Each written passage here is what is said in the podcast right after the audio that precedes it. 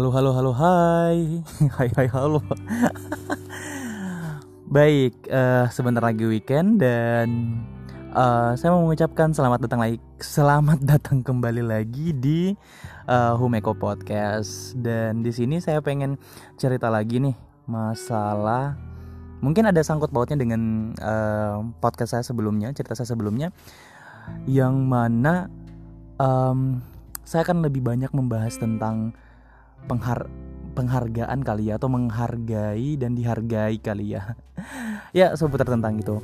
Dan yang terjadi realitanya yang terjadi yang terjadi adalah ya seperti itu. Terkadang memang kita nggak nggak menghargai orang terkadang juga kita nggak dihargai sama orang. Jadi jangan melakukan komplain kepada orang-orang yang tidak menghargai kamu gitu. Karena terkadang ya tanpa sadar atau tanpa disengaja kita juga melakukan hal yang sama um, kasih contoh seperti ini. Uh, seumpama nih kita atau kamu deh atau aku deh uh, merasa se merasa apa ya di sebuah di sebuah kantor atau di sebuah uh, institu institusi atau di sebuah organisasi kita merasa kayak gue nih bisa nih kayaknya ngelakuin hal ini gue nih bisa jadi leadernya gue nih bisa jadi uh, apanya gitu. Tapi kok gue nggak pernah dipanggil kok gue nggak pernah um, apa ya dikasih kesempatan gitu ya. Mungkin yang pertama kita harus harus pahami adalah um, untuk mengenali diri kita sendiri dulu. Kira-kira kita baiknya udah di mana nih? Kita uh, kemampuannya di mana? Uh, terus barulah kita melihat ke, ke sekeliling kita ada nggak orang yang seperti kita? Ada nggak orang yang lebih baik dari kita? Ada nggak orang yang uh, apa gitu? Dan ya yang terjadi seperti itu biasa. Jadi jangan pernah merasa kayak kok gue nggak dihargain ya? Ya emang kayak gitu sih. Maksudnya nggak semua tempat akan menghargai atau apa ya gue pernah nonton di Instagram tuh salah satu ada sebuah konten tuh di Instagram yang memberikan cerita. Uh, singkatnya seperti ini ada bapak yang menyuruh anaknya untuk menjual mobil mobil antik gitu. Di sebuah apa ya kemarin tuh gue lupa nih di sebuah showroom atau apa gitu. Pokoknya di tempat penjualan pertama nah dihargainya sekitar ya standar lah. Kemudian dia pergi di penjual kedua lagi. Ternyata lebih turun lagi dari yang pertama gitu penjualan pertama. Nah ketika dia pergi di penjualan ketiga juga tuh masih turun masih sama. Alasannya karena udah lama udah apa gitu. Banyak deh alasannya.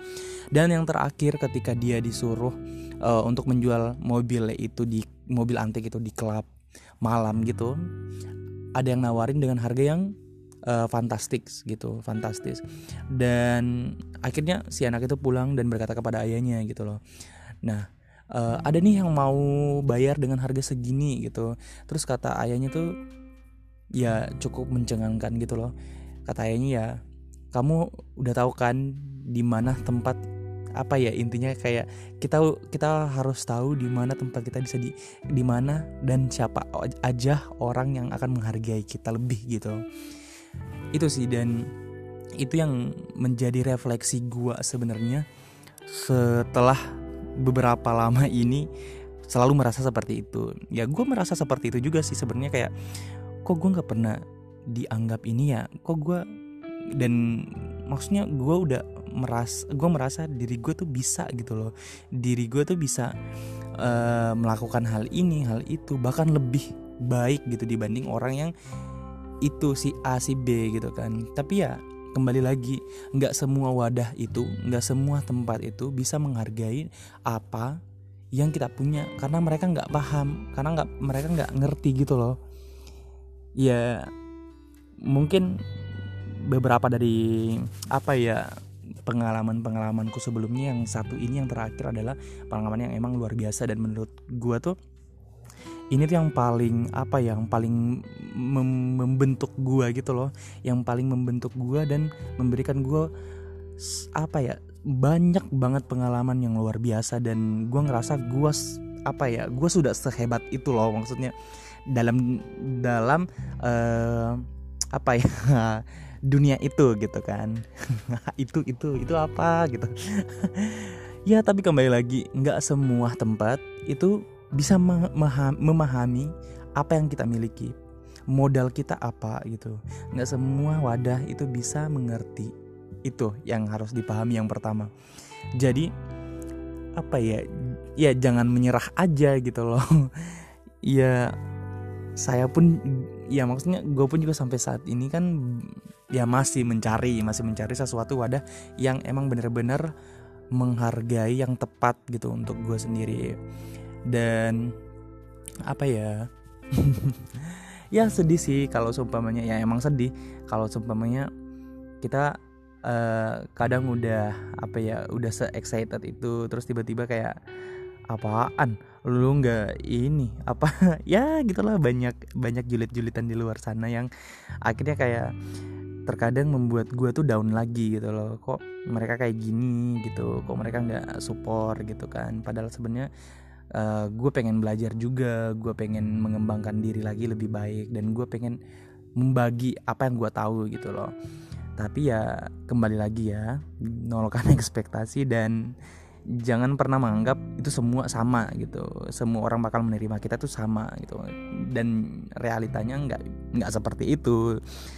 Jadi ya sabar-sabarin aja gitu. Tunggu sesuatu yang apa ya yang bisa lah dan gue yakin akan ada wadah akan ada orang yang tepat yang memang benar-benar lebih menghargai kita ketimbang eh, orang-orang uh, yang di luar sana yang hanya menjulitin. Anjir. Ya gitulah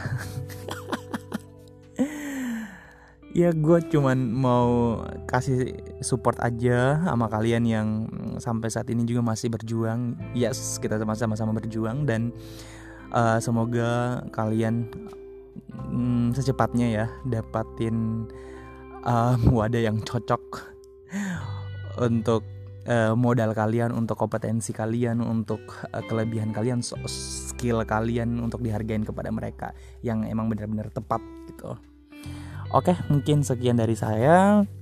Thank you so much sudah mau dengerin bacot gue yang nggak nggak jelas ini dan sampai jumpa.